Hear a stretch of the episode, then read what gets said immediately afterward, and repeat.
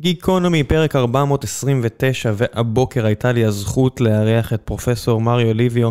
פרופסור ליביו לימד כל כך הרבה אנשים בארץ פיזיקה ומתמטיקה, אם זה דרך הרצאותיו בטכניון, או שיעורים שהוא העביר בבתי ספר תיכון. האיש באמת העמיד דור שלם של ילדים, נערים, ילדות, נערות שגדלו על ברכי השיעורים שלו, שהפכו לאגדה בתחום, באמת, אה, לא פחות מכך, השיעורים המוקלטים שלו בטכניון הם מסוג הדברים שהרבה מאוד סטודנטים מכירים ויודעים ולמדו בזכותם גם 30 שנה אחרי שהוקלטו. דוקטור מריו התחיל לכתוב ספרות מדע פופולרי לפני כ-20 שנה, וספריו נחשבים לבין, לבין הטובים בתחום.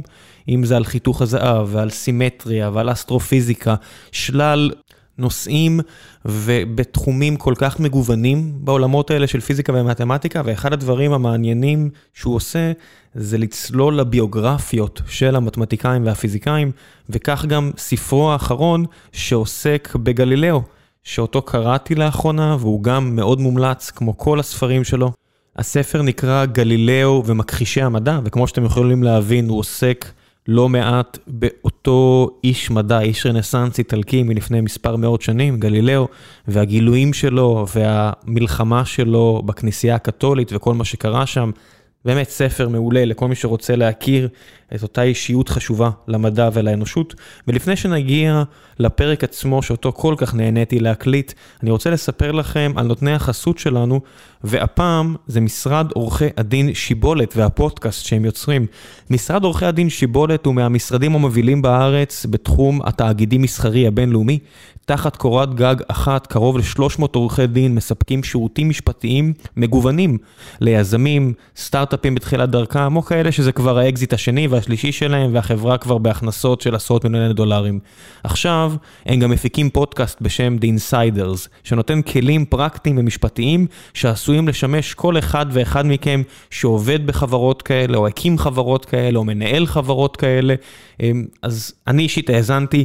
לי זה הביא ערך, אני ממליץ לכם מאוד, חפשו את הפודקאסט The Insiders ותמצאו שם כבר פרקים שיעשו לכם לא מעט סדר בכל מה שקשור לפרטיות, שזה נושא שאותי מעסיק לא מעט, ואנחנו גם מחפשים היום Head of Data Privacy אה, שיצטרף לחברה, בדיוק בגלל דברים ששמעתי בפודקאסטים כאלו, וקראתי וחקרתי, והחשיבות לכך כל כך גדולה אה, לעולם התעסוקה.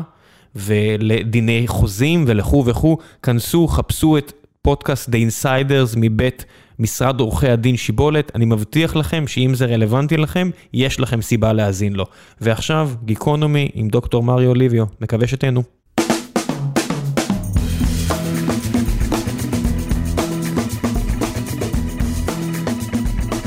גיקונומי פרק 429, והבוקר יש לי הזכות לארח את פרופסור מריו ליביו. מריו, בוקר טוב. שלום, בוקר טוב לך. אני רוצה לספר לך משהו. ב-2006 או 2005 קראתי ספר על פיזיקה או על מתמטיקה שפיצץ לי את השכל על אה, גלואה, ובצורה שבה לא למדתי באוניברסיטה, ופשוט שלחה אותי להתחיל לקרוא כמה שאני יכול על בכלל ביוגרפיות של מתמטיקאים, והנחתי שהסופר הזה, שקראתי עוד מספריו, הוא פרופסור איטלקי. לא יודע, אף פעם לא חקרתי. ולפני, אה, לא יודע, כחודש, שאלו אותי אם אני אסכים לארח אותך, ואז התחלתי לקרוא עליך, וגיליתי לא רק שאתה לא איטלקי, אתה אפילו למדת בבית הספר היסודי מתחת לבית שלי. כן, למדתי בגרץ. כן, אני גר שם ממש ממול. אה, טוב, אז באמת למדתי בגרץ. אה, המשפחה מצד אבי, כן מוצאה מאיטליה, אבל איזה ארבע דורות אחורה. אה, אז כן יש איזשהו קשר אה, איטלקי, אבל כן, אני גדלתי בארץ. טוב, כמה אנשים אתה חושב כמוני יש ברחבי העולם שהספרים שלך עודדו אותם אה, ללמוד ולהחכים עוד בנושאים האלו? זה אני לא יודע, חשבתי שאתה תשאל כמה אנשים חושבים שאני איטלקי, אז אני בטוח שזה רבים. זה, כי גם השם הפרטי שלי הוא איטלקי וגם כן. שם המשפחה, למרות ששם המשפחה שלי לרוב באיטליה מופיע בתור שם פרטי. זאת אומרת, ליביו זה שם יותר פרטי אה, באיטליה מאשר, אה, כן. אה, היה פעם רץ באולימפיאדת רומא, ליביו ברוטי וזה, אבל גם היה ליביו שם משפחה. יש גם הרבה מריו בשם פרטי, לא יודע, סופר של הסנדק וכל מיני כן, אמנים טיטו- אחרים. טיטו ליביו, זה היה היסטוריון ידוע, כן, והוא היה לו שם משפחה כמו שלי. אה, כמה אנשים אה, בעקבות הספרים שלי, אני לא יודע, אבל זה, זה באמת אה, מחמם את הלב מדי פעם. אני מקבל אימיילים וכך הלאה מאנשים שאומרים, או באמת הספר שלך עודד אותי להיכנס למתמטיקה או למדעים או משהו כזה. כן, זה נחמד. איך הגעת לזה? זאת אומרת, אתה היית פרופסור לאסטרופיזיקה, עזבת את ישראל למח... לחקור בהאבל, ב... ב... ב... במכון שם, וב top של, ה... של ה top, ולימדת במוסדות נפלאים. איך הגעת פתאום לכתוב ספרים ועוד מדע, על מדע פופולרי? תראה, אה, אני תמיד אה, נתתי הרבה הרצאות פופולריות לקהל, גם כשהייתי פרופסור בטכניון, אה, גם כשעבדתי עם האבל, אז תמיד נתתי הרצאות פופולריות. וברגע מסוים, קצת לפני שנת 2000 בערך, אמרתי, רגע אחד, אתה יודע, אני נותן כל כך הרבה הרצאות, אולי אני אכתוב איזה ספר.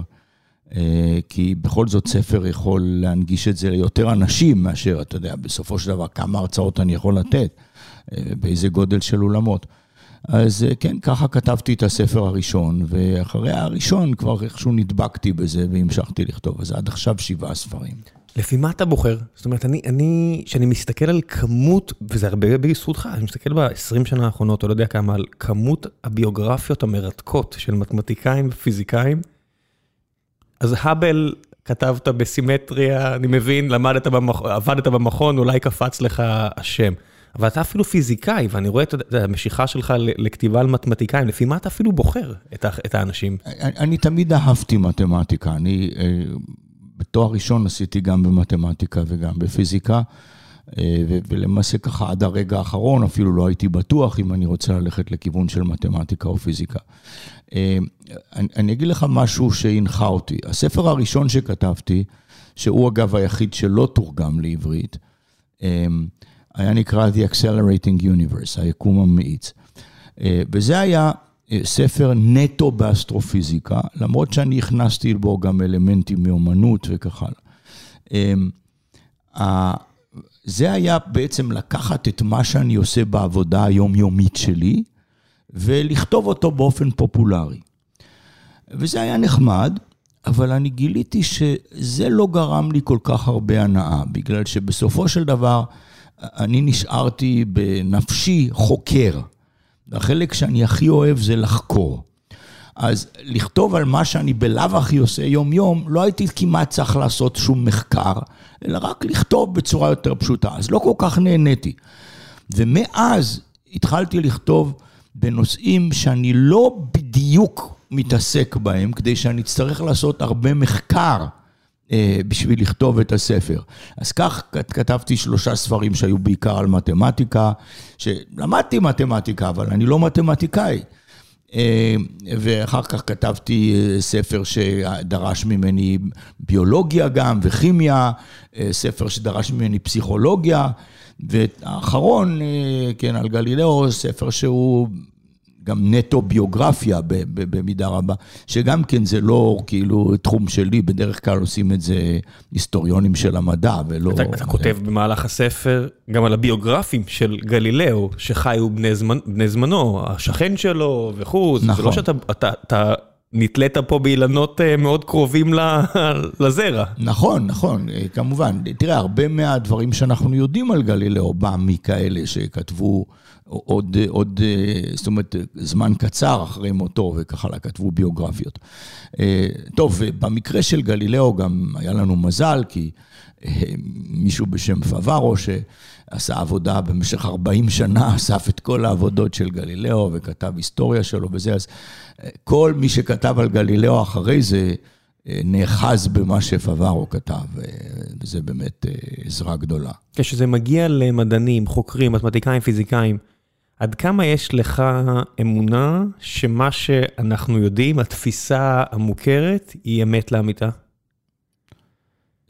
לא, אין דבר כזה בעצם. מעבר למדע עצמו, מעבר למדע עצמו, אני מדבר בעיקר על הפרטים, בוודאי שמעבר למדע עצמו, שמן הסתם הוא בנוי על משתנה כל הזמן. לא, אבל אתה יודע, אנחנו, אז אפשר להגיד לייבניץ או ניוטון, לא יודע מי ניסח בדיוק את הסימנים, אבל זה בסדר, זה עובד. כן. טוב, תראה, צריך להסתכל על המקורות, ואני אוהב להסתכל על המקורות הראשוניים, כן? ולנסות להסתמך עליהם. כמובן שיש, כשמדובר בדמויות כאלה היסטוריות, אז יש תמיד איזה שהם עיוותים שנוצרו במשך הזמן. למשל, במקרה גלילאו, כן, אז... יש עליו המון מיתוסים שהם לא נכונים. אתה מציין אפילו, אני חושב, בתחילת הספר או באמצע הספר, אפילו את המיתוס על המטוטלת, שאתה מציין שזה מיתוס. בפירוש, כן, כן. אני כמה סיפורים עליו אומר שאלה מיתוסים. כן, תראה, גלילאו, כמו כל אלה הגדולים, אז היו לו הרבה מעריצים ותלמידים, והם כמובן רצו לפאר את השם שלו. אז מספרים עליו סיפורים שלא תמיד היו נכונים. אז טוב, למזלי עשו באמת המון עבודה, ואני יכול להסתמך גם על העבודה שעשו היסטוריונים אה, טובים לפניי. אתה מוצא את עצמך מקנא במושאי הסיפור שלך? לא, לא, לא, מקנא זה לא המילה. טוב, קשה מוצא... לקנא באדם שעבר כל כך הרבה טרגדיות. נכון, אבל... בדיוק. אני, אני מוצא את עצמי מעריך מאוד את האנשים האלה. אתה הזכרת קודם את גלואה, כן? גלואה מת בגיל 20. קשה לקנא באדם כזה. אני כן מקנא בעובדה שלפני גיל 20 הוא ניסח את תורת החבורות, שזה אחד הענפים הכי חשובים במתמטיקה. זאת אומרת, אתה יודע, אני חושב לעצמי, מה אני עשיתי עד גיל 20? והתשובה היא כלום, לא עשיתי שום דבר. זה בסדר, רובנו המוחלט. שום דבר חשוב, והוא כן. עד גיל 20, בתוך כדי שהוא באמצע גם היה בבית סוהר ודברים כאלה, וזה, ניסח את תורת החבורות. חבורות, זה באמת מדהים. כן. קראתי איזה ביוגרפיה על אה, פאול ארדוש, והוא תמיד התנסח שהוא גם בן אדם עם סיפור חיים די טרגי, לפי כל אמת מודע אובייקטיבית, מי שאנחנו שופטים לפי איכות חיים נגיד נורמטיבית. כן, לא היה לו בית בעצם אף כן, פעם. נע ונד מאדם לאדם, וגם נראה כאילו טיפה על איזשהו ספקטרום כזה. תימוני, תימוני. כן, תימוני, ואדם שהוא באמת קצת טרגי, והוא תמיד אמר, לפחות מצוטט לפי הביוגרפיות, שהוא על, על, עוד, על עוד גילוי ועל עוד הוכחה, הוא אמר, זה כתוב מהספר של, של, ה, של הבורא. וכשקראתי אז על גלואה, אמרתי, אני כן מקנא, כי אני אומר, איך המוח שלהם עובד? איך הם רואים את העולם בצורה כל כך חדה, שאתה יכול לנסח בראש שלך את תורת החבורות באיזשהו מאמר, שאפילו אנשים כמו קושב, כמו כאלה, יכולים להגיד לך, לא, זה לא שווה כלום, ואתה עדיין תאמין שזה נכון. זאת אומרת, איך המוח האנושי בכלל מרגיש, איך מרגיש לחוות את העולם מבעד לתודעה כזו? כן, נכון. אגב, ארדוש, אני לא יודע אם אתה יודע, אבל יש אה, כזה דבר שנקרא מספר ארדוש. כן. שזה, אם כתבת מאמר עם מישהו שכתב מאמר שכתב כן. עם ארדוש, אז מספר ארדוש שלי זה ארבע. אה, זאת אומרת, אה, אני כתבתי מאמר עם נתן רוזן המנוח, שכתב מאמר עם איינשטיין, ואיינשטיין מספר ארדוש שלו היה שניים, אז אני ארבע. אז אני מאוד גאה בזה. יש שם אה, דו-שיח באותו ספר, אני מקווה שאני לא, לא משנה שם את הפרטים, אבל שאיינשטיין פוגש אותו, את ארדוש, וארדוש אה, אומר לו, מה אתה מתעסק בפיזיקה המטופשת הזאת? בוא למקום הטהור, היפה, המתמטי. ואיינשטיין אומר לו, מתמטיקה זה בעייתי כי אני לא יודע מה חשוב. בפיזיקה ברור לי על מה אני צריך לעבוד, כי יש את השאלות הגדולות שמולנו, ובמתמטיקה אתה הוכחת פה יותר משפטים מאשר כל אחד אחר, אבל זה בשביל היופי הטהור. אתה מרגיש שזה ככה, שבאמת בפיזיקה ברור מה חשוב ובמתמטיקה הרבה פחות? אה, אני לא יודע אם ש... זה ברור שבפיזיקה אנחנו יודעים מה השאלות הגדולות. אה, זאת אומרת, אנחנו מנסים להבין את היקום, כן? למשל, אם אתה תשאל אותי מה אני חושב היום, השאלות הכי גדולות, בכלל במדע, הייתי אומר, אה, לדעתי השאלה הכי, השאלות הכי חשובות זה כרגע זה איך התחילו החיים, והאם יש חיים במקומות אחרים בגלקסיה שלנו. אתה בכל זאת אסטרופיזיקאי. כן, כן, כן, אבל אמ, יש לי גם ידידים מתחומים אחרים, והם מסכימים שאלה אולי היום השאלות המסקרנות ביותר. אז כאן די ברור מה השאלה, ואתה יודע מה לעשות. אה, במתמטיקה כמובן יש גם כן בעיות שהן ידועות מזה עשרות שנים, כן, שהונחו נניח בתור השערות, למשל, אני יודע, השערת רימן, דברים כאלה. הבעיות של הילברט לצורך העניין, ש, כן. ש, או הבעיות של, שהילברט ניסח, כן, וכך הלאה. אז, אה, אז את אלה מכירים ויודעים. אז, אה, אז, אז כן יודעים בעיות אה, זה, אבל זה נכון שהבעיות האלה במידה רבה, לפחות בשלב הזה, הם אה, אתגר אינטלקטואלי גדול, אבל שבדרך כלל לא ברור ברגע שעושים אותם מה בדיוק יצא מזה אחר כך. כמובן שאחרי זה תמיד יוצא מזה, ויוצא מזה הרבה. אבל לפעמים זה לוקח מאה שנים יותר מאוחר, מתי שיוצא הרבה. תורת החבורות, אה, כשגלואן ניצח, הוא התעניין בלפתור משוואות מכל מיני מעלות וכך הלאה. לא ידע ש... בחלקיקים אלמנטריים, תת-אטומיים, היום כל הסימטריות והכל, שזה יהיה הלשון של כל הסימטריות של העולם. תשמע, כמה, כמה מדענים באמצע המאה ה-19 הקדימו את זמנם ובאמת עם איזה נגיעה של, של הבורא, או לא יודע מה, אם זה אה, קנטור או, או קנטור, ואם זה גלואה, ואם זה... מקסוול, ש, שכל תלמיד להנדסת חשמל או לפיזיקה שבוהה במשוואות האלה ואומרים לו שהבן אדם פשוט המציא אותם יש מאין, עם אינטואיציה אלוהית כמעט, זה... כן, תראה, באמת יש אנשים כל ש... אחד מאלה בטח זלזלו בהם המון, אתה יודע, אני יודע ש... איך קוראים לו? גיאורגי קנטור? איך מבטאים את שמו? גיאורג. גיאורג קנטור, אני יודע שהיה הרבה... הרבה אנשים שפקפקו בחשיבות בכלל של המתמטיקה שהוא יצר שם. אה, אה, כן, תראה, בדרך כלל ענפים של מתמטיקה, הם, כשהם נוצרים, הם נוצרים בתור אה, ענף מופשט של מתמטיקה. אה, ומאוחר יותר הם, הם פתאום יוצרים פריצות דרך להמון אה, כיוונים שאי אפשר היה לדעת אותם מראש. מה אתה חושב 100 שנה מהיום? זאת אומרת, 100 שנה מהיום תורת החבורות עדיין תהיה בסדר, כי היא יושבת על יסודות יציבים. בפיזיקה, מה אתה חושב שמאה שנה מהיום, כשיקראו את ספריך, יגידו, אה, ah, זה כמו אתר, לא יודע מה, זה כמו משהו שמאה שנה אחורה אמרנו, והיום אנחנו יודעים שלא. תראה...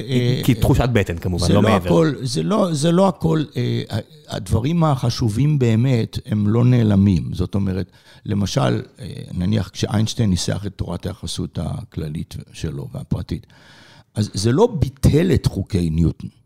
כן, חוקי ניוטון נשארים נכונים בגבול המתאים. זאת אומרת, כל זמן שיש... מהירויות לא גדולות מדי ואין תאוצות וכך הלאה, אז חוקי ניוטון עובדים מצוין, אנחנו שולחים טילים באמצעות חוקי ניוטון. וזה עובד. כן, בדיוק, ושולחים דברים לירח, שלחו, כן, באמצעות חוקי ניוטון. אז, אז הדברים האלה עובדים טוב מאוד. הדברים הבאמת חשובים, אפילו כשהמדע מתפתח, אז הם בסוף מוכלים בתוך תיאוריה יותר כללית.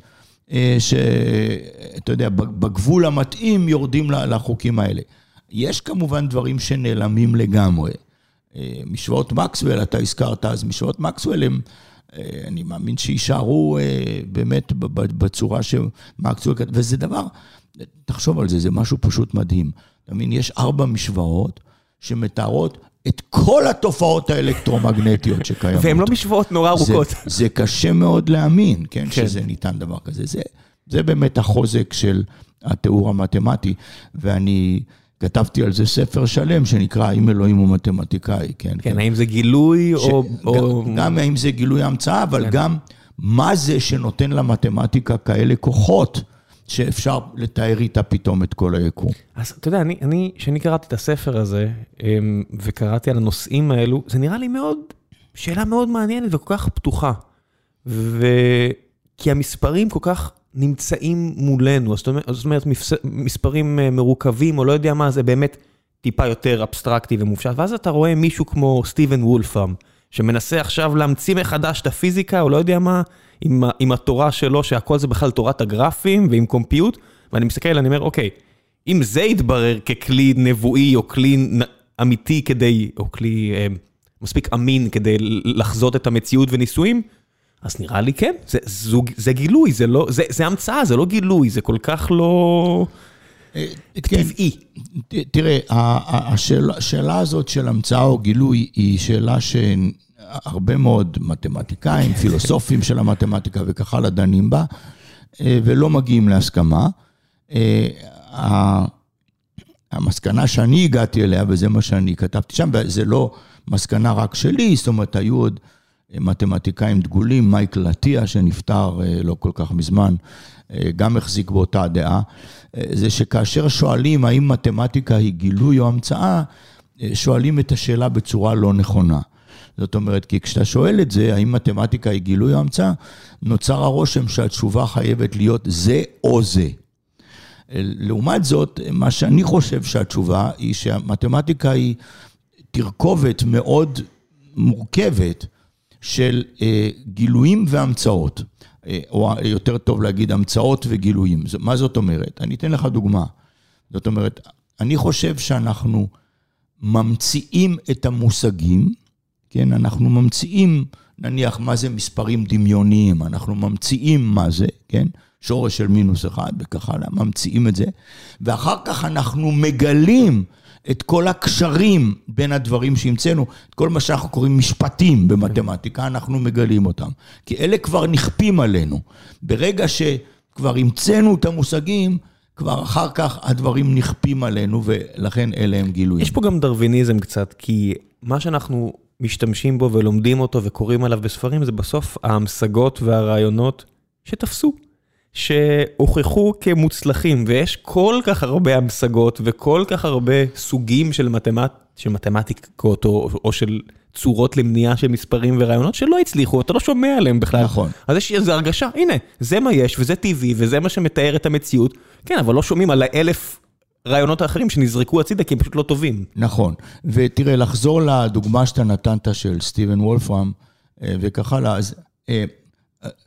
זאת אומרת, יש שם שאלה לגיטימית של מדוע אה, הבבלים, כן, והיוונים הקדמונים והמצרים, אה, השתמשו דווקא בסוג של המתמטיקות שאנחנו מדברים עליהן. זאת אומרת, מה הם השתמשו? הם השתמשו בגיאומטריה, והם השתמשו במספרים טבעיים, נכון? אה, והשאלה היא, למה דווקא הם התחילו עם זה, ולא נניח עם איזה מין... סלולר אוטומטה כאלה, תוכניות מחשב קטנות, כמו שוולפרם רוצה לפעמים. לא רק הוא, אה, משחק החיים, אה, אתה יודע, זה כן. שהממציא הלך לעולמו השנה, זה לא ניתן, לא... לא בדיוק, כן. אז דברים מהסוג הזה. למה הם לא התחילו עם זה, והתחילו עם גיאומטריה נניח ותורת המספרים. אה, ואני חושב, אני לא יודע את זה בוודאות, אבל אני חושב שהתשובה לזה נובעת מאיך שהחושים שלנו עובדים. מה זאת אומרת? אנחנו למשל מאוד מאוד טובים בלראות איפה נגמר, איפה הגבול של עצם מסוים ומתחיל עצם אחר. אנחנו ממש מבחינים בזה טוב, נכון? אנחנו לא, אני מסתכל על הכוס שעומדת לפניי, ואני רואה טוב מאוד איפה נגמרת הכוס ומה הרקע של הכוס הזה. זה מאוד מעודד אותנו להתחיל לדבר על עצמים ולספור אותם וככה. ברי מניעה, כן. אך כן, נכון. אחר כך... אנחנו מאוד מאוד טובים בלראות אם קו הוא ישר או לא. כן? אם אנחנו מסתכלים בטבע, כן? או אם משהו עגול. אנחנו מבדילים בין עיגול ואליפסה בדיוק פנטסטי. עם העין, פשוט עם העין. אז זה לכן משך אותנו לדברים כמו גיאומטריה ולתורת המספרים. אם לדוגמה היינו רואים, אני יודע, החושים שלנו היו עובדים באינפרה אדום הרחוק. כך שכל הדברים היו נראים לנו מין מטושטשים כאלה, אז זה לא ברור במאת האחוזים שהיינו בוחרים בדיוק באותו סוג של גיאומטריה. הדוגמה שגם אני נותן, אה, אז בספר זה שאם נניח האינטליגנציה הייתה באיזשהו מין תמנון כזה, אה, בודד, שחי לו במעמקי האוקיינוס. וכל מה שהוא מרגיש זה את הטמפרטורה של המים, את הלחץ של המים ואת התנועה של המים. האם הוא היה מתחיל עם מספרים טבעיים?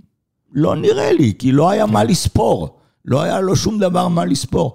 הוא היה אולי מתחיל עם דברים יותר רציפים כאלה, כן? כמו טמפרטורה, כמו התנועה שלנו. ואכן, כל הדברים האלו כל כך הרבה יותר קשים להבנה אינטואיטיבית. אתה יודע, המושג של redshift, שאתה יודע, הוא כל כך משמעותי באסטרופיזיקה, ואחד השירותים הכי מפורסמים של אמזון, של AWS, נקרא על שמו Amazon Redshift, הרי למוח האינטואיטיבי הצעיר, שלא מכיר את ההמשגות הפיזיקליות, צריך להסביר לא מעט כדי שבכלל להבין את העניין הזה, איך אנחנו יודעים שהיקום מתרחב, איך אנחנו מודדים את זה, כי זה עם כלים שהם לא כלים טבעיים של גוף האדם. בנינו כלים שמגלים לנו קצת דברים מעבר, שיש הרבה חיות למשל, שכן רואות את העולם בצורה אחרת. כן. ואולי עבורן זה היה טבעי יותר. נכון, אולי התמנון הזה היה מפתח סוג אחר לגמרי של מתמטיקה מזאת שאנחנו פיתחנו. אם זה היה הייצור האינטליגנטי שקיים.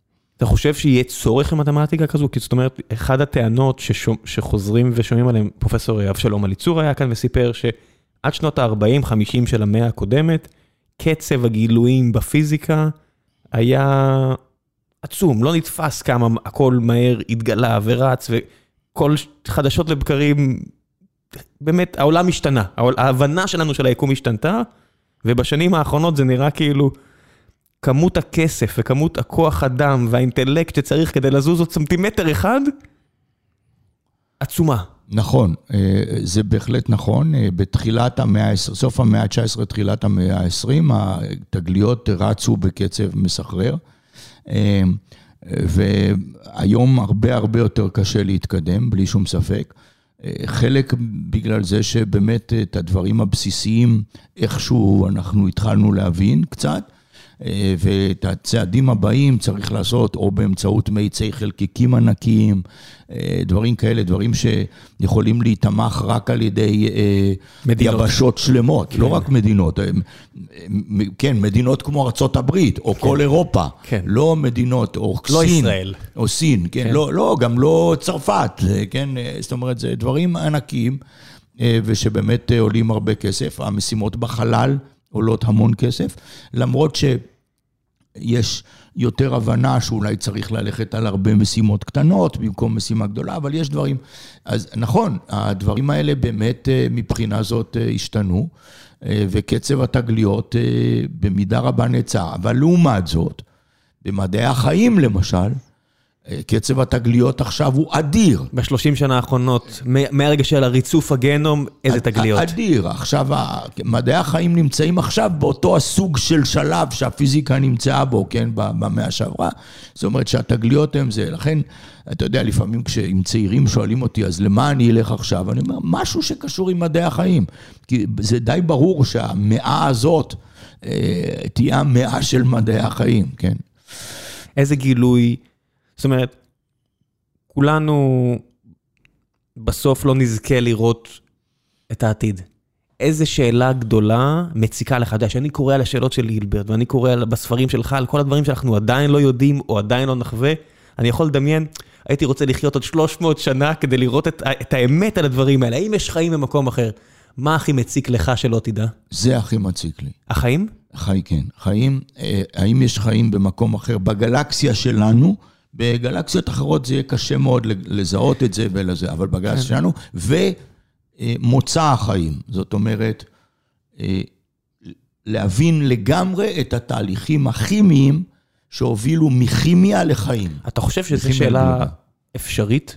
זאת אומרת, אני, אני, יצא לי להיות באיזשהו סמינר ב, ב, באוניברסיטה, שבו אנשים התווכחו, וזה לא אנשים כמוני שקוראים על זה אחרים, אלא באמת החוקרים, האם מוצא החיים זה מ-RNA, או מוצא החיים זה ככה או ככה, ולא נראה כאילו השאלה הזו היא בכלל פתירה, במובן כי אנחנו לא היינו שם, אפשר לעשות סימולציות נורא מתוחכמות, לראות, הנה, תראו, ככה יש סבירות להיווצרות חיים, אבל זה לא שאנחנו נוכל לדעת אי פעם כן, התשובה אני, לכך. אני אישית מאמין שהשאלה הזאת היא פתירה. איך. ובמעבדה, אני מאמין שהשאלה את ה- היא פתירה במעבדה, ואני גם אה, מאוד קרוב ושותף למישהו בשם ג'ק שוסטק בהרווארד, שעובד על, אה, כן, מוצא החיים. אה, הוא כבר קיבל פרס נובל אחד, והתחזית שלי היא שהוא יקבל פרס נובל שני גם. יהיה אחד מאותם הבודדים שמקבלים שניים. יש לי פה את, אה, בפסלונים על השולחן את מרי קירי, אין הרבה שזכו וכן. בשניים. כן, ואני אני, אני מאמין שהוא במעבדה שלו יצליח תוך לא הרבה שנים. אה, בוא, בוא נגיד, אני לא אומר שאיך שהוא יעשה את זה, זה, אנחנו נדע בוודאות שכך זה בדיוק קרה על כדור הארץ, אבל זאת, אני מאמין שהוא ימצא את אחת הדרכים שבהם כימיה הופכת לביולוגיה. עכשיו, אה, זה אני מקווה שעוד אני אזכה לראות בחיים שלי. אה, הנושא של חיים במקומות אחרים, כן, בגלקסיה שלנו, יש לי חשש גדול שאולי אני אחמיץ את זה בקצת. יש לי הרגשה שכולנו נחמיץ את זה בקצת. לא, אני חושב שזה, אני חושב שזה יכול לקרות בתוך 20 השנים הקרובות. מה תהיה הוכחה מבחינתך? אז, אז טוב, תראה, יש, קודם כל שיהיה ברור, אני מדבר על אה, חיים לא תבוניים כן. דווקא, לא, ולא מאוד מורכבים. אני, אני מדבר על סימני חיים שיהיו פחות או יותר משכנעים. אז איזה סימני חיים יכולים להיות משכנעים? אז קודם כל, אה, אם לא רוצים לקחת דבר אחד בודד, שהוא כאילו הכי טוב, אבל לא מספיק, אבל הכי טוב, זה חמצן. אם אנחנו נמצא כוכב דמוי כדור הארץ, שמסתובב סביב השמש שלו במה שאנחנו קוראים ה-habitable zone, שזה האזור הזה שהוא לא יותר מדי חם, לא יותר מדי קר, שיכול לאפשר למים זורמים על השטח, ונמצא שהאטמוספירה שלו עשירה בחמצן, זאת אומרת, סדר גודל כזה, נגיד 20 אחוז חמצן, אני חושב שזה יהיה סימן חזק מאוד. 20 אחוז ש... חמצן זה כבר בעצם הוכחה לכך שמשהו שינה את האטמוספירה? כן, אה, זאת אומרת, זה לא, לכן אני אומר, זה לא הוכחה מספיקה, אבל היא הוכחה חזקה מאוד, בגלל זה ש... טוב, קודם כל, בכדור הארץ אנחנו יודעים שמה שהפך את האטמוספירה לעשירת חמצן זה תהליכי החיים. אה, ובאופן כללי, זה נכון שיש תהליכים טבעיים שלא קשורים לחיים, כגון קרינה אולטרה סגולה יכולה לשבור מים ולשחרר חמצן, אבל לשחרר אותו בכמויות גדולות זה קשה בתהליכים כימיים פשוטים, ולכן חמצן יהיה סימן מצוין. עכשיו, אם נמצא גם שהאטמוספירה היא, היא לא בשיווי משקל טרמוכימי, זאת אומרת, למשל נמצא חמצן ו... אה, באותה אטמוספירה, זה יהיה סימן עוד יותר חזק. בגלל זה ששוב, באופן טבעי, קשה לבצ... ליצור מצבים כאלה אה, באמת מחוץ לשיווי משקל אה, כימי מבחינת הריאקציות שקורות, וזה רק תהליכי חיים שיוצרים את מצב האי שיווי משקל הזה. אז, אז חמצן, ואחר כך גם שילוב עם משהו מחזר ולא מחמצן, אה, יהיה כבר סימנים די חזקים. כמובן שכמה שנמצא יותר סימנים, אז זה יהיה יותר ויותר יחזק. צריך למצוא שיש שם מים, לדוגמה, וכך הלאה, כן. וזה. אז, אז, אז אני מאמין שאנחנו נמצא את זה תוך בערך 20 שנה. איזה, איזה חדשות אופטימיות זה, כן, זה אופטימי, אבל אני עלול לא לראות את זה. כן, כולנו עלולים לא לראות את זה. הנקודה היא ש... אתה מסתכל על, על רוחב היריעה, על כמות הכוכבים, טריליונים של כוכבים לאורך מיליארדי שנים, שחלק גדול מהאורות שאנחנו רואים כבר לא שם, כי כך זה. אנחנו גם מוגבלים פיזיקלית במה אנחנו יכולים לחוות, ואנחנו גם בחלק נורא נורא קטן. יכול להיות שלא יודע, על אירופה או על אחד היריחים פה סביבנו, היו חיים לפני מיליארד שנה. מה זה היו חיים? התחילה השרשרת הזו להיווצר, המעבר הראשון בין כימיה לביולוגיה, ונפסקו בן רגע, כי צריך איזושהי שרשרת של מקריות מדהימה, פנטסטית, שהתחילה ונגמרה. נכון. אנחנו לא נדע מזה. לא, נכון. אז, אז תראה, אז המקום שכבר עובדים עליו, כן, ונחתה החללית הזאת, Perseverance, נחתה על, על מאדים, אה, נכון? ואם יהיה לנו מזל, אז אולי אפילו תוך לא יותר מדי שנים, הייתי אומר, תוך פחות מעשר, אה, אולי נגלה סימנים שהיו חיים פעם על פני מאדים.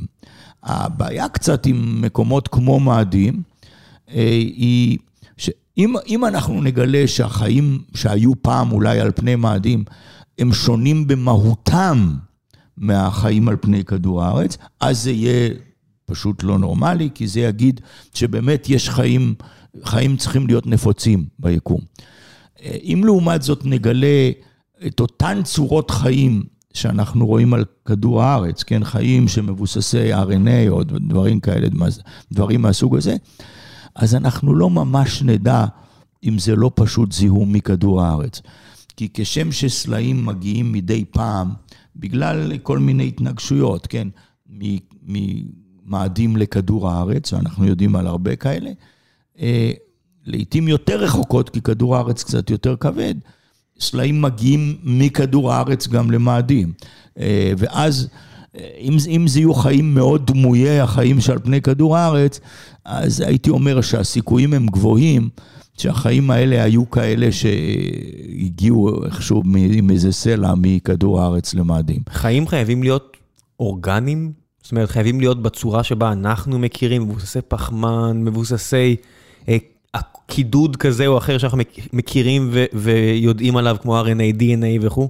כן, אז הם בוודאי, עד כמה שאנחנו מבינים, לא נראה שהם חייבים להיות אה, RNA, DNA. כמו שלנו. בהחלט ייתכן שיש תרכובות אחרות שיכולות לעשות את זה. אני מרגיש קצת יותר ביטחון בנושא הפחמן.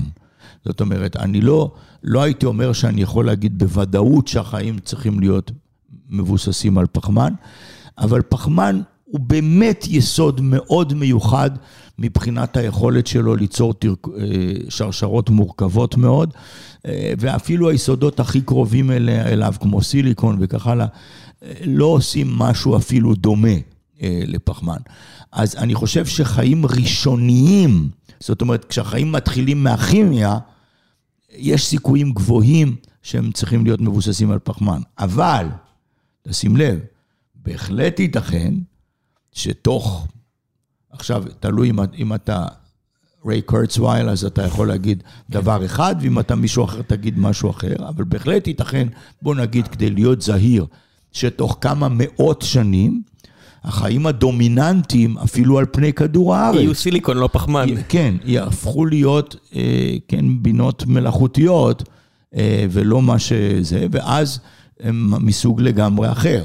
אבל זה לא החיים הראשונים. זה כן? כבר, אבל, אבל זה כבר שאלה פילוסופית אה, רכה יותר מאשר מדע מאוד מוגדר היטב של מה זה ביולוגיה, מה זה כימיה. בסוף פילוסופים יכולים לטעון שגם אבן היא תבונתית וימצאו לכך הוכחה, אני יודע מה. אה, תראה, אני לא יודע, זאת אומרת, השאלה היא... אני רק מתכוון שזו שאלה שהיא כבר הרבה יותר, היא הרבה פחות אה, מוחלטת. אה, ברור שזה משהו הרבה יותר ספקולטיבי, אבל קיימת אפשרות, כן? אני לא יודע, אני לא, בטח יש בעולם המחשבים בעברית מילה ל-emergent, אתה, אתה יודע מה זה? כן. אמ, מגיח, מגיח? כן, מגיח, אני בטוח שיש, אה, כמו שיש מהדר לקומפיילר, אני בטוח שגם לאמרג'נט יש. זהו, אני מתאר. אז... זה מהפועל אמרג', שטו אמרג'. אז יש אה, תכונות שהן אמרג'נט, ויש תכונות שאנחנו לא יודעים אם הן אמרג'נט. אז אם למשל תודעה זה תופעה שהיא אימרג'נט במערכות מספיק מורכבות. מספיק קומפיוט, האם יש תודעה? כן, כן. אז האם אתה, האם זה קורה? אז, אז באמת אה, כמעט אין ספק שזאת היא הבינה כן. וזה, וזה חיים. אה, אם הם לא אימרג'נט, והמערכות המורכבות תמיד נשארו בתור זומבים, אז uh, כמובן שאז אנחנו לא היינו מתייחסים אליהם באותה צורה כמו שאנחנו מתייחסים לחיים שאנחנו... יש משהו די מדהים בכך שכל מוח אנושי, כל מוח אנושי, גם של אדם שהזניח את מוחו לגמרי, עדיין יותר משוכלל מהרבה בחינות מאשר שיא הטכנולוגיה שבנויה על מגדל של ידע שנבנה לאורך אלפי שנים. והתוצר שלו הוא האינטליגנציה המלאכותית הכי מתקדמת, ועדיין הוא נחות למוח אנושי אחד. היום בלי שום ספק, כן. אפילו, אפילו נחות יחסית למוח של כלב, אבל... אה, אבל אה, אבל קצב ההתקדמות הוא אקספוננציאלי הוא, מהיר. הוא, הוא אדיר, כן, כן ו, ומה יקרה אנחנו באמת לא יודעים. אה, זאת אומרת, אני שייך לאלה ש...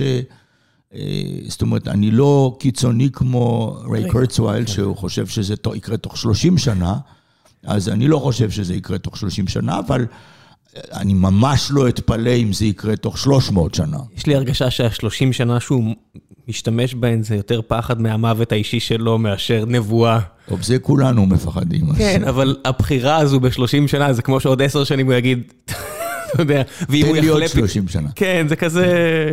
תראה, גם אמ, הזכרתי את ידידי ג'ק שוסטק, שמנסה לייצר... אה, את תגלית החיים. חיים במעבדה שלו. וכבר, אה, בוא נגיד, במשך אה, משהו כמו 15 שנים האחרונות, אז כל פעם אני אומר לו, נו, אז מתי? אז הוא אומר לי, עוד חמש שנים. ואז עוברות החמש שנים, הוא אומר, תן לי עוד חמש שנים. תשמע, אם הוא כבר קיבל נובל, זה אומר שהוא לא ילד. לא, הוא לא ילד, הוא, כן, הוא קרוב לגילי, אני חושב, אה, בערך משהו דומה לזה.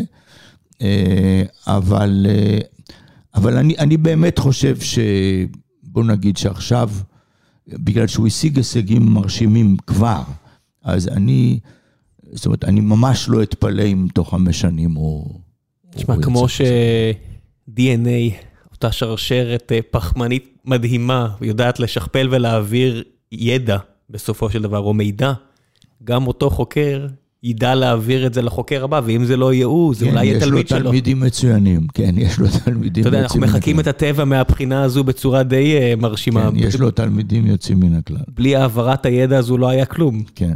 אתה חושב, אם מדברים על העברת ידע, אה, כשסיפרתי בקבוצה של, ה, של המאזינים שאתה מגיע, סיפרתי לך שלא פחות מ-12 אנשים פנו אליי ואמרו לי, תגיד לו תודה, כי הוא שינה את הצורה שבה אני לומד פיזיקה, ואנחנו מדברים פה על הרצאות שהקלטת מלפני 30 שנה, אמרת. יותר מ-30 שנה כבר, 35 שנים אני חושב. איך אתה מסביר את הקיבעון הזה בצורה שבה אנחנו מחנכים ומלמדים? תראה, אני אגיד לך, אני, מצד אחד אני כמובן מאוד מאוד שמח על זה שאנשים משתמשים עדיין בהרצאות ההם, ומצד שני אני קצת מאוכזב, כי אני אגיד לך, הדבר ההוא צולם בתנאים מאוד פרימיטיביים. זאת אומרת, אני לימדתי כיתה, והטכניון אז החליט ש...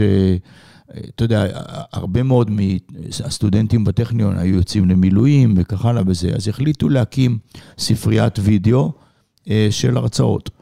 אה, וצילמו אותי אה, מלמד, יש שם למעלה מ-90 שעות שאני לימדתי. זה, כי- זה לא רק שלך, אני למדתי משוואות דיפרנציאליות חלקיות נכון, עם פרופסור רשיקוביץ, אם אני לא, זוכר לא, נכון. לא, לא, לא רק שלי, בהחלט, כן. אה, גם מרצים אחרים, אבל אותי צילמו באיזה 90 שעות, שלימדתי מכניקה, חשמל, מגנטיות, אני יודע, פיזיקה אטומית, אני כבר לא זוכר אפילו בדיוק מה. וזה היה מצולם בתנאים ממש פרימיטיביים, מצלמה בחלק האחורי של הכיתה. מצלמה נייחת, אחת בטח. אחת, מצלמה אחת, לא רק זה, היה, אני הייתי משתמש בשני לוחות, לפעמים המצלמה הייתה שוכחת לעבור איתי לזה, אז פתאום לא רואים אותי, רואים רק לוח ריק, אבל שומעים אותי מדבר. אה, אז כמובן שהפיזיקה הבסיסית ההיא שעוד בה צילמו אותי, לא השתנתה, כן, זו הפיזיקה המאוד בסיסית הייתה. אה, אז, אז זה טוב, אבל מצד שני, האמצעים הטכניים, של איך אה, לצלם ולעשות וזה, כמובן מאוד השתכללו. אז אה, מזה אני טיפה מאוכזב שלא בינתיים כבר, אתה יודע, צילמו משהו בתנאים יותר טובים וכך הלאה. הפיזיקה נשארה בסדר, ואני מאוד שמח על זה שזה, סטודנטים עדיין מוצאים את זה מועיל. ומעבר לכך, אם אנחנו מסתכלים בצורה רחבה יותר על איך אנשים זוכים לחינוכם, רובם הולכים, הרוב המוחלט של האנשים הולכים בת, בתלם כלשהו של גן, בית ספר יסודי, שיעורים כלליים, קצת, קצת חשבון, ואז זה נהיה מתמטיקה, קצת גיאומטריה. אתה חושב שמתישהו צריכה להגיע איזושהי מהפכה בתחום הזה? זאת אומרת, זה נראה לי קצת מוזר שאנחנו לומדים באותה צורה כבר כל כך הרבה שנים, כשהעולם השתנה כל כך. טוב, תראה, בשנה הזאת של ה-COVID-19, אז דברים מאוד השתנו, כן? כן, פתאום טכנולוגית, תלמידים, אה, כן. כן, תלמידים למדו בזום וכך הלאה וזה. אני מדבר על החומר עצמו, על החומר הלימודי עצמו. בסוף אותו חומר הוא עבר אליהם, ואני רואה את הצורה שבה אתה מעביר ידע עם הספרים האלה וגם בהרצאות וידאו, ואני רואה היום יותר ויותר ביוטיוב, שכרגיל הייתי ספקן מאוד, ואני רואה את כמות הידע המעניין, הלא פייק ניוז, שתכף גם ניגע בזה, כי הספר שלך גם עוסק בכך, אלא כמות הידע המעולה, האמיתי, שיכול להעשיר, לסקרן, ללמד, והצורה השונה שבה הדברים האלה אז- עוברים. נכון, אז יש היום באמת, אה, אתה רואה היום שימוש בכל מיני טכנולוגיות וכך הלאה, שיותר זה. עכשיו, מבחינת חומר הלימוד עצמו, אה, תראה, גם בזה יש שינויים, בגלל שלמשל, נניח, אני יודע, נגיד שאתה תיקח פיזיקה, אז אה, כמות החומר אה, גדלה מאוד. אז אי אפשר היום עוד פעם, אה, אתה יודע, לבלות... אה, אה, חודשים על מישורים משופעים, בגלל שאז אתה לא תגיע לשום דבר יותר מודרני. אז אני משער שתוכנית הלימודים גם כן משקפת קצת את השינויים האלה וכך הלאה. יש דברים שאנשים צריכים ללמוד שבלעדיהם קשה להתקדם, אז אלה אני חושב נשארים.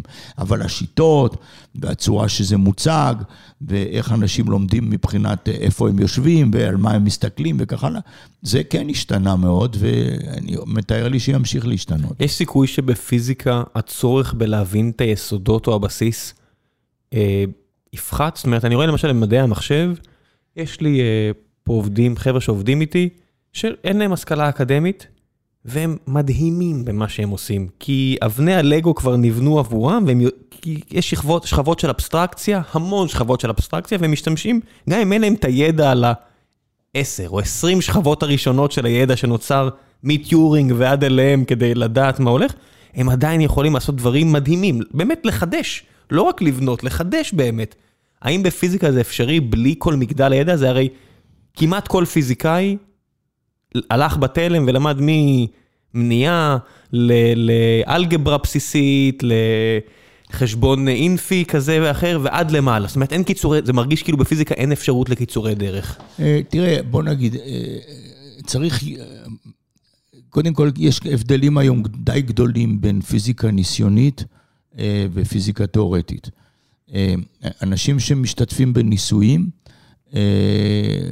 יכול שם לשחק תפקיד אה, יותר גדול, אה, אינטואיציה של, אה, שנרכשת היום, כל מיני טכניקות שנרכשות היום, והם לא צריכים להתחיל לעשות ניסויים עם מטוטלת מתמטית בשביל, כן, להתעסק עם דברים שהם מתעסקים איתם היום במיצי חלקיקים. בפיזיקה תיאורטית, דרוש ידע מתמטי, זאת אומרת, אי אפשר להתקדם בלי מתמטיקה שם. אה, אבל בהחלט יש מצבים, נניח אם אתה, אנשים עובדים בתורת המיתרים, אז אה, לא כל כך חשוב להם אה, בדיוק לדעת מה קורה בפיזיקה של המצב המוצק, אלא הם בעיקר רוכשים איזה ידע מתמטי מאוד חשוב וכך הלאה, ויכולים לעבוד עם זה. אז אני בטוח שיש שינויים ואפשר לעשות איזה שהם קפיצות על נושאים מסוימים. גם ש... אנשים נהיים הרבה יותר אה, ממוקדים בכיוונים מסוימים, ולא כל כך שמים לב לכיוונים אחרים. הפיזיקה היום היא מאוד מאוד רחבה, אה, כן, יש כל כך הרבה נושאים, ואנשים היום לומדים לכיוון מסוים, ולא כל כך מתעסקים עם הכיוונים האחרים. איזה כיוון הוא מוזנח? זאת אומרת, אני מניח שהיום בכל זאת אוניברסיטאות כן ירצו לדחוף אנשים... כן לכיוון אה, אה, מוליכים למחצה, כן מצב מוצק בגלל השימושים האפליקטיביים או כאלה, איזה תחומים נזנחים כיום? תראה, אני, אני, אני היום כבר לא, לא מלמד באוניברסיטה, אז אני לא בדיוק יודע מה קורה בתוכניות הלימודים העכשוויות, אבל אה, אני, תראה, כשאני הייתי תלמיד, אז אה, דברים כמו פיזיקה גרעינית היו מאוד אה, חשובים. אני חושב שפיזיקה גרעינית היום, לא, לא כל כך הרבה לומדים. אני, אני, אני לא מדבר על חלקיקים אלמנטריים וכך הלאה, שזה כן אחד מחזיתות המדע, אני מדבר על פיזיקה גרעינית קלאסית. אה, גם בפיזיקה אטומית, נגיד, כן? פשוט פיזיקה אטומית, אה, רמות האנרגיה של האטומים וכך הלאה. אה, אני מתאר לי שמקדישים לזה הרבה פחות זמן היום ממה שהקדישו לזה אז, כשזה היה... היה צריך ללמוד את איך התחילו היסודות של תורת הקוונטים וכך הלאה, אז היה, היה צריך להקדיש זמן לדברים האלה. אני מנחש שהיום מקדישים לזה פחות זמן. כן, נראה לי שגם בגלל התאונה הזו באוקראינה, אז, אז אני, זה גם אז השפיע. אני, אז אני חושב שזה... אה, טוב, לא, ברמה השימושית... כמובן שאם רוצים לבנות כורים וכך הלאה, אז צריך ללמוד איזה שהם דברים אה, שהם חשובים מאוד מהבחינה השימושית. אבל... בסוף העולם האמיתי גם דוחף את המדע, הצרכים דוחפים את המדע. כן, אני מדבר על... אה, ההבנה התיאורטית של כן, יסודות כן, והכל, כן. כן, כן, אתה יודע, מודל הקליפות של הגרעין, אני יודע, כן, זה היה משהו מאוד מאוד פופולרי כשאני הייתי. סטודנט. כי זה באמת היה, יש הרגשה שהגיעו, טוב, עכשיו אנחנו יודעים איך זה נראה, מי, לא יודע מה, מאה שנה לפני שאתה היית סטודנט שהתחילו לנחש אה, נילס בור ולא יודע מה, אז זה פחות מ-100 שנה, אבל שניחשו איך נראה המבנה ואיך הוא מתנהג. נכון, נכון. ובשלב מסוים אמרו, טוב, אנחנו יודעים. אה, נכון, אה, פחות או יותר זה. עכשיו, כמובן שיש תמיד אנשים שעדיין, אתה יודע, חוקרים איזה שהם דברים מאוד יסודיים שם, שלא תמיד נפתרו עד הסוף.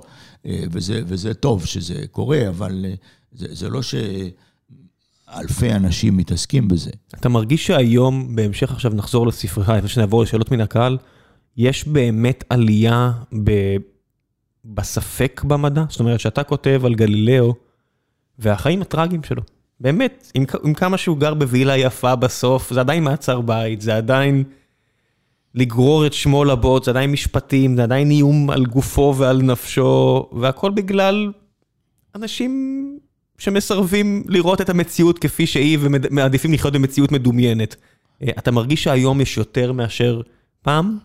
אה, לא, אני לא חושב שיש יותר מאשר פעם. פעם אני מתכוון 10-20 כן. שנה, כשמדברים היום על עליית הפייק ניוז. אבל בפירוש זה קיים היום, וזה, וזה מדאיג שזה קיים היום. יש הכחשת מדע חזקה היום, אה, והיית מקווה שזה ירד, לא רק שזה לא יעלה, אלא היית מקווה שזה ירד.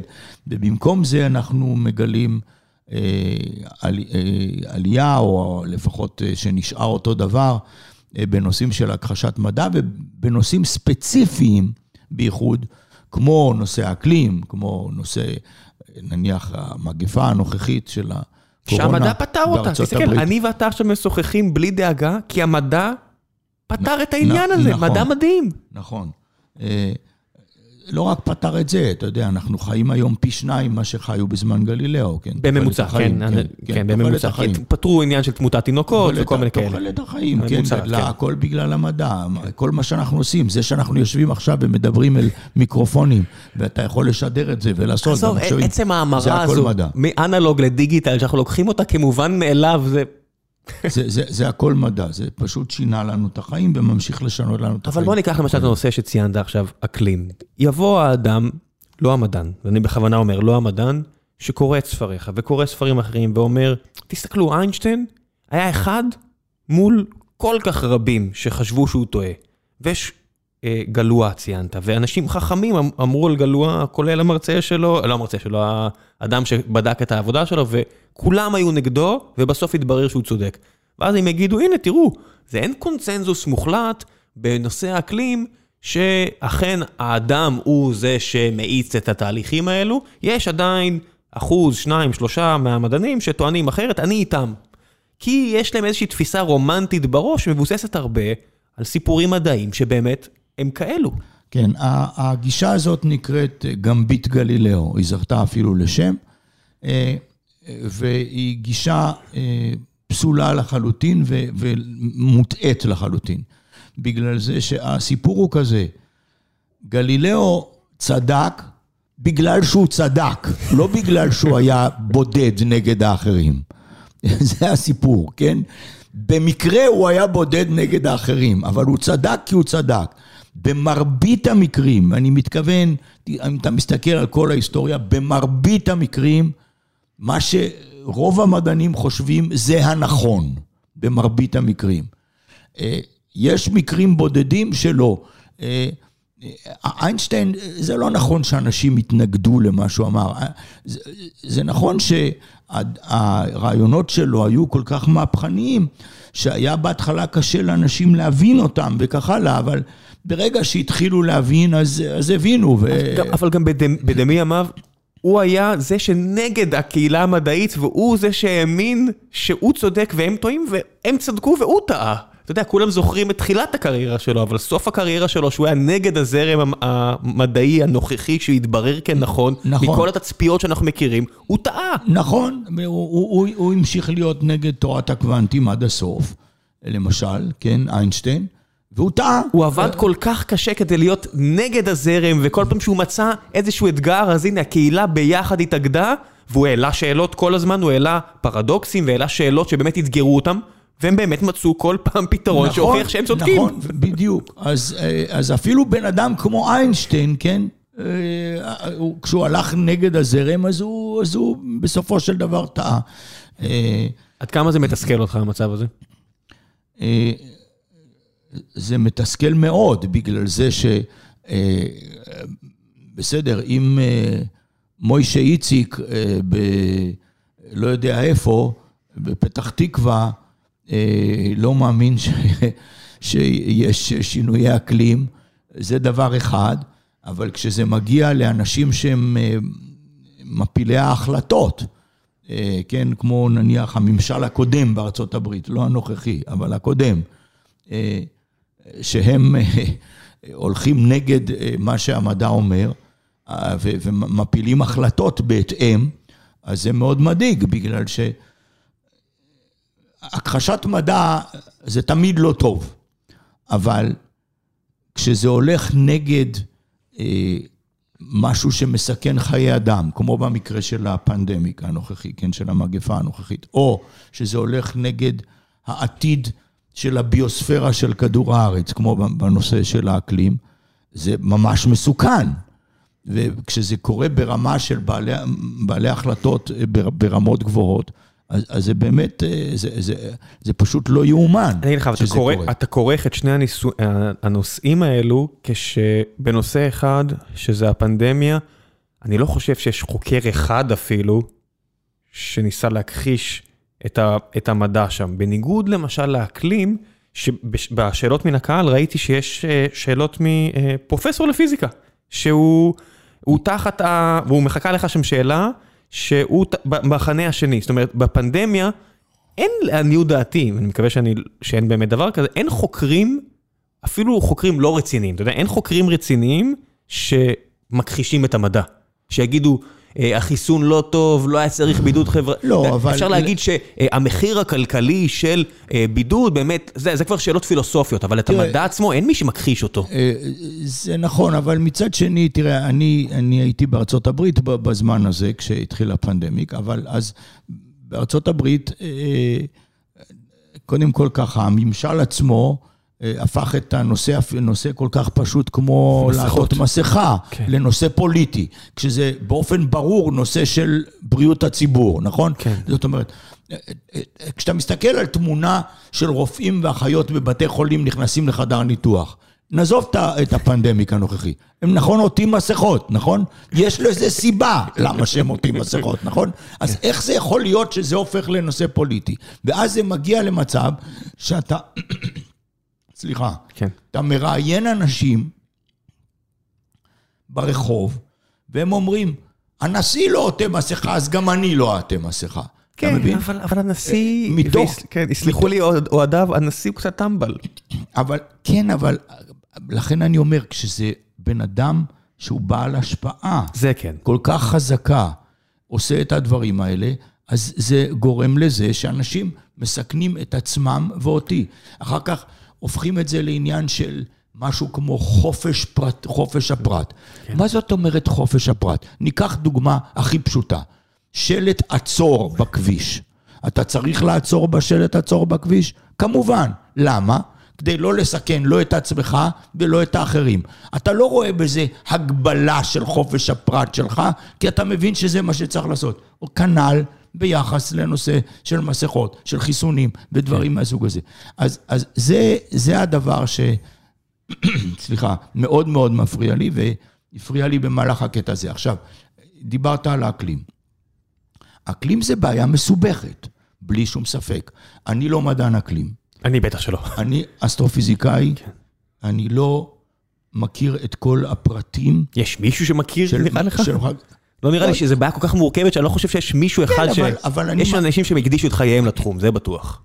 אני מכיר אנשים, כן, אה, דניאל שרג מהרווארד וכך הלאה, כן, גיאולוגים או מדעני אטמוספירה, שעובדים יום-יום, כן, ובמשך כל הקריירה שלהם על נושאים של אקלים.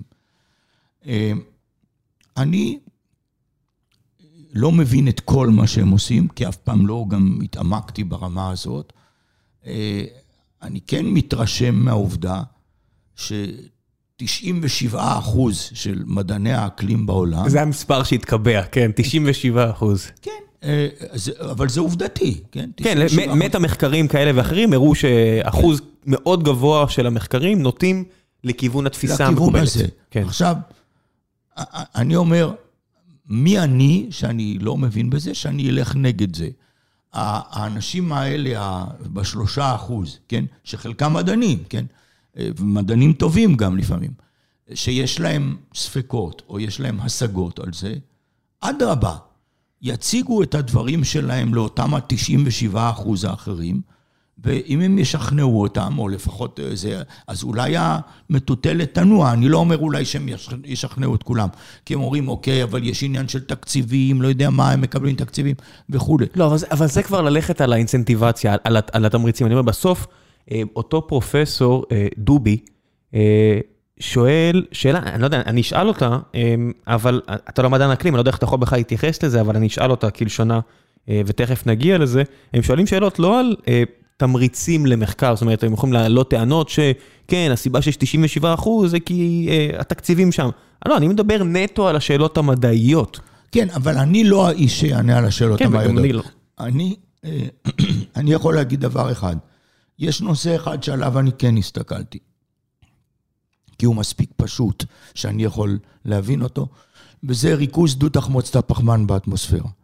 זה נמדד בצורה סופר מדויקת 50 השנים האחרונות, באטמוספירה ישירות בהוואי, ומליבות של קרח שמוציאים מאנטרקטיקה, הם יכולים לחזור עם שגיאות מסוימות עד ש... לפני 800 אלף שנים. 800 אלף שנים. זה כמו שמסתכלים בטבעות של עץ, ולפי זה אפשר לדעת מה קרה באטמוספירה במשך השנים שהעץ חי, כך מסתכלים באלה. אנשים שמסתכלים על זה, שזה העבודה שלהם, שהם מסתכלים, מראים לי גרפים של ריכוז דו-תחמוצת הפחמן באטמוספירה ב-800 אלף השנים האחרונות, ורואים שינויים, בהחלט רואים שינויים, עליות וירידות וכך הלאה, אבל עלייה בקצב שאנחנו רואים במאה השנים האחרונות, לא רואים בכל ההיסטוריה הזאת. אז בשבילי זה משהו די משכנע, כי זה משהו שאני יכול להבין. עכשיו, הם יגידו לך... איך אתה מצניע את עצמך, אתה פרופסור לאסטרופיזיקה, זה לא שאתה כמוני, אתה יודע, מסתכל על מדענים אחרים. כן, אבל זה דבר פשוט שאני רואה אותו. אוקיי. עכשיו, אותם האלה שמתנגדים אומרים גם, כן, אבל השגיאות על זה הן די גדולות וזה, ואני מקבל את זה. אני מאמין שהשגיאות, אם אתה מסתכל מאה אלף שנה אחורה, הן יותר גדולות ממה שרואים בחמישים השנים האחרונות. אבל עדיין זה מה שנראה.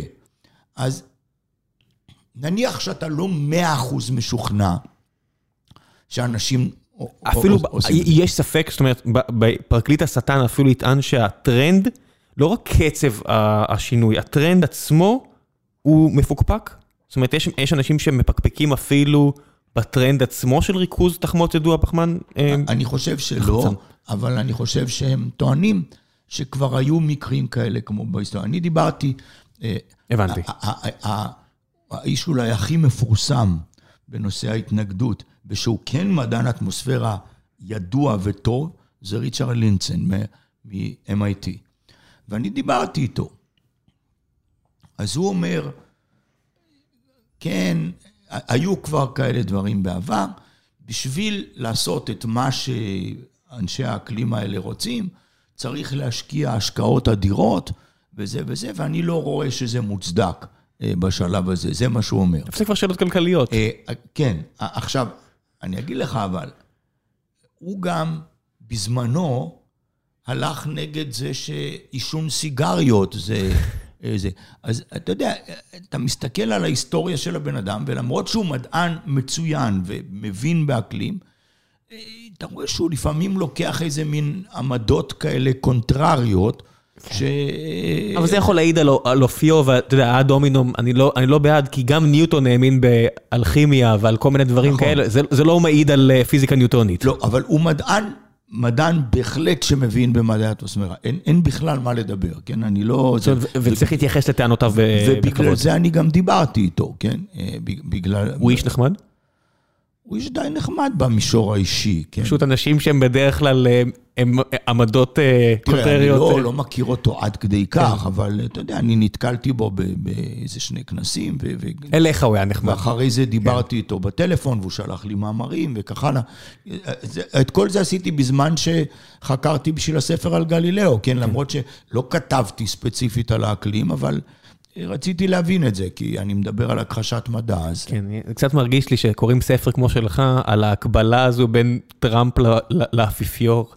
אתה יודע, ועוד אז, האפיפיור זה אדם שעוד לפחות מאמין באמת, או לפחות זה האמונה שלו מכתיבה, שאלוהים מדבר משפות, משפתיו. איזה יהירות צריכה להיות לאדם שהוא נגד פנדמיה עולמית שאין אלוהים מאחוריו. אה, כן, תראה, אבל אה, מה שקרה, ואת זה אני מביא תמיד בתור אה, דוגמה טובה, זאת אומרת, יש המון מחקרים פסיכולוגיים שמראים ש... once שבן אדם יצר כבר דעה, והוא בן אדם מבוגר, די קשה, אפילו קשה מאוד, לשנות את דעתו או דעתה, אפילו אם אתה מציג להם עובדות סותרות. ואחת הדרכים ש...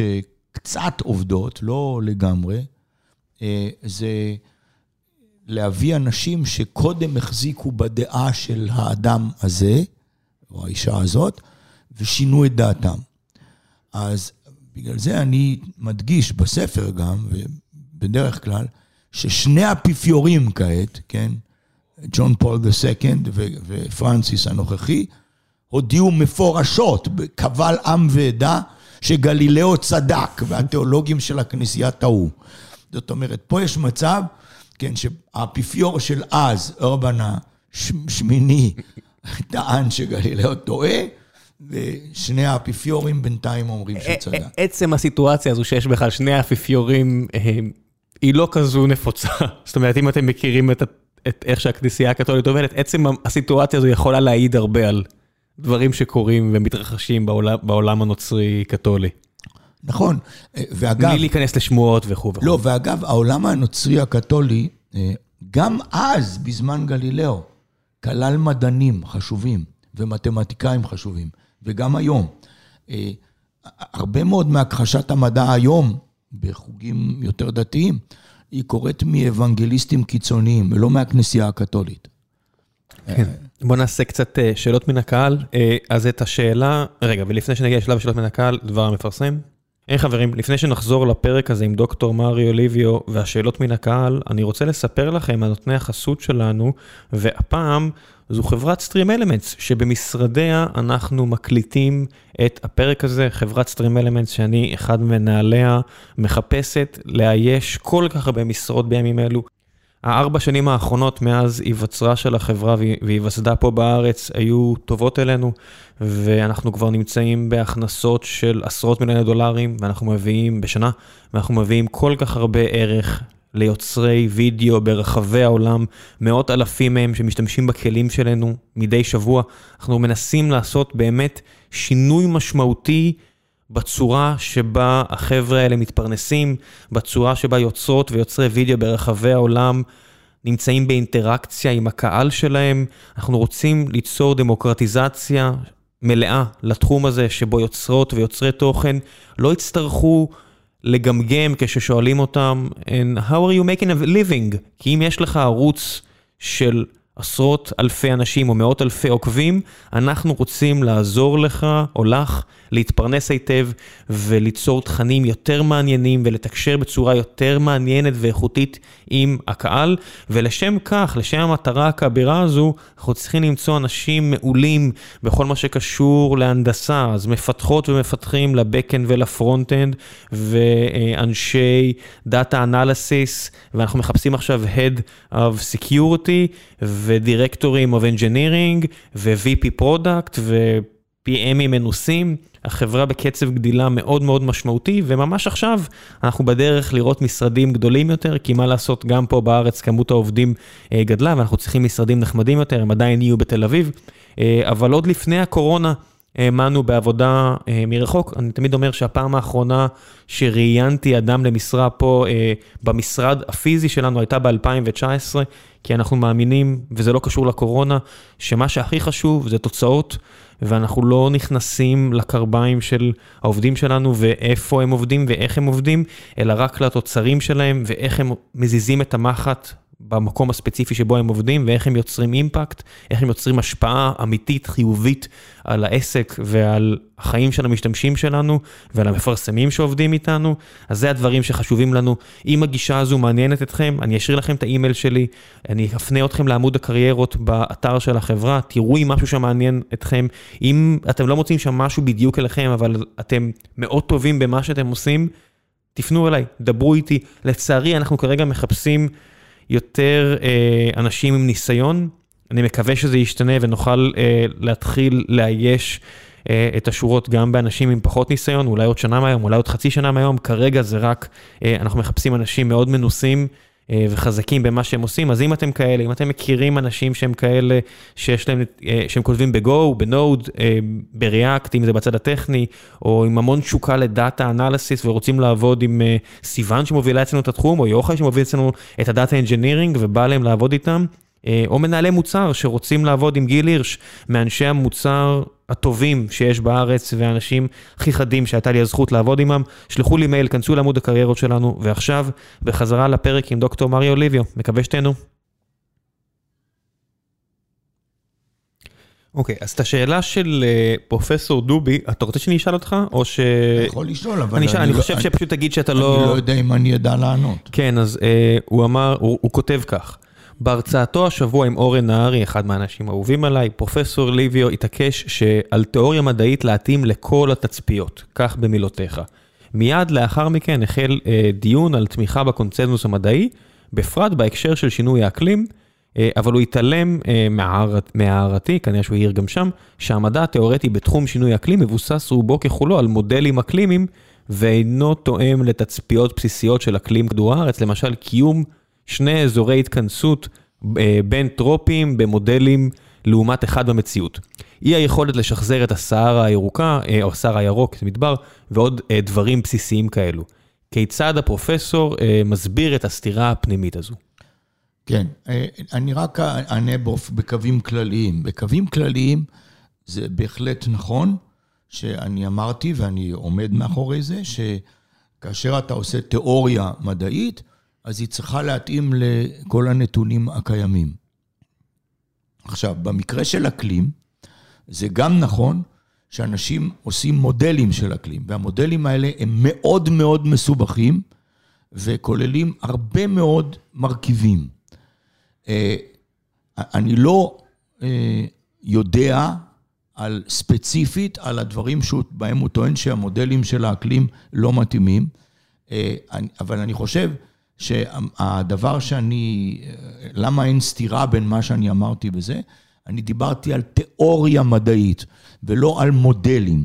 אה, זאת אומרת, מודלים, בייחוד של דברים מאוד מאוד מסובכים, בייחוד בשלב של הבנייה שלהם, ייתכן שהם לא מתאימים לכל הדברים הזה, והרעיון הוא אז לנסות לשפר את המודלים. אה, אם יתגלה שה...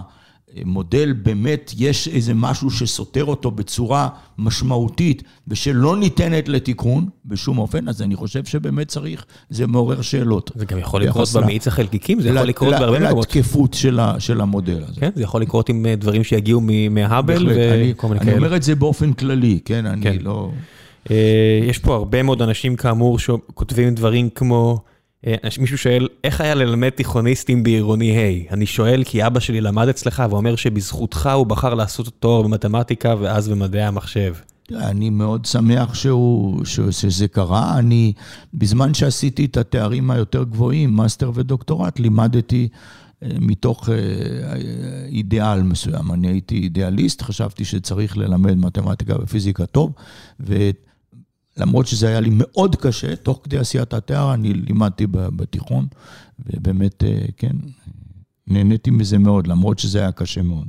אז בוא נעשה שאלה, אה, אסף אה, כהן, שאלה, נעשה שאלה אחרונה, כי אנחנו פה כבר לא מעט זמן. אחרי כתיבת הספר המופלא, למה? במה התבהרה המחשבה שלך אודות הייחודיות של היכולת האנושית לשאול שאלות? מה לדעתך הופך שאלה לשאלה טובה? אנשים הם, אני חושב, היצור היחיד שבאמת מתעניין בלמה. אה, ואני תיארתי ניסוי אפילו כזה בתוך הספר ההוא, שנעשה עם ילדים מאוד מאוד קטנים, בני ארבע או משהו, וחבורה של צ'ימפנזים. ומה שהתגלה זה שהניסוי ההוא גילה שבעוד שהילדים בני הארבע התעניינו בסיבות של דברים, אף אחד מהצ'ימפנזים לא התעניין בסיבה. אה, וזה באמת משהו שכרגע מייחד, זאת אומרת, גם חיות הן סקרניות, אבל הן לא סקרניות ברמה של למה, זאת אומרת, של ממש להבין את הסיבות, בייחוד סיבות של דברים שהם גם נסתרים, שאתה לא רואה אותם, כן? וככה לאדם, אה, אנחנו מסוגלים לחשוב על דברים שאפילו לא קיימים במציאות, כן? שאנחנו רק מדמיינים אותם. אז באמת זה, זה מראה כמה אנחנו מיוחדים. כן. אה, ומעניין אם יש עוד כאלה. אה, גם צריך להגיד את האמת שאותה תכונה מופלאה אה, יכולה להיעלם בחיינו. הילד שלי עכשיו בדיוק בגיל הזה שהוא שואל למה על כל דבר, וכל פעם שאני מוצא את עצמי קצת עייף ועונה לו כי ככה, אני מצטער על כך מיד. זהו, רק אתמול היה על הכתפיים שלי ומשהו נפל ואמר, למה זה נופל למטה? אמרתי, או, oh, מחר אני הולך לדבר עם פרופסור שכתב על אדם שבדיוק שאל את השאלה הזו, ממש אתמול. כן. נפל לו משהו, אמר, למה זה נופל למטה? כן, נכון. תראה, ילדים מאוד קטנים, הם, הם מנסים מאוד להבין סיבה ומסובב. כי זה באמת מאפשר להם, אתה יודע, להתעסק עם הסביבה שלהם. הנה מתחיל שיחה, יש הרבה סיבות שזה, כן. כן, אז... אבל עדיין, הנטייה הזו, בלי הסללה, בלי כלום, לשאול למה, כמעט להיוולד עם זה, קצת כמו המחקר של נועם חומסקי, או לא יודע מה, הדברים שהם כאילו ביולוגיים, כמו גראמר, אז גם היכולת הזאת לשאול למה, כל הורה מכיר את זה הרי. נכון. ילד בן שנתיים מתחיל, מתחיל לדבר, הם שואלים מ... את זה, ב... לפעמים הפסקה. הם שואלים את זה מאות פעמים כן, ביום. בלי הפסקה, למה, למה, למה, זה פשוט איכשהו נולדנו עם זה. אולי זה באמת, אה, אתה יודע, meant to be. תודה רבה פרופסור על הזמן שהקדשת לי, אה, ועל הרבה מאוד שעות של אה, ידע שהענקת לי. תודה לך. ביי ביי.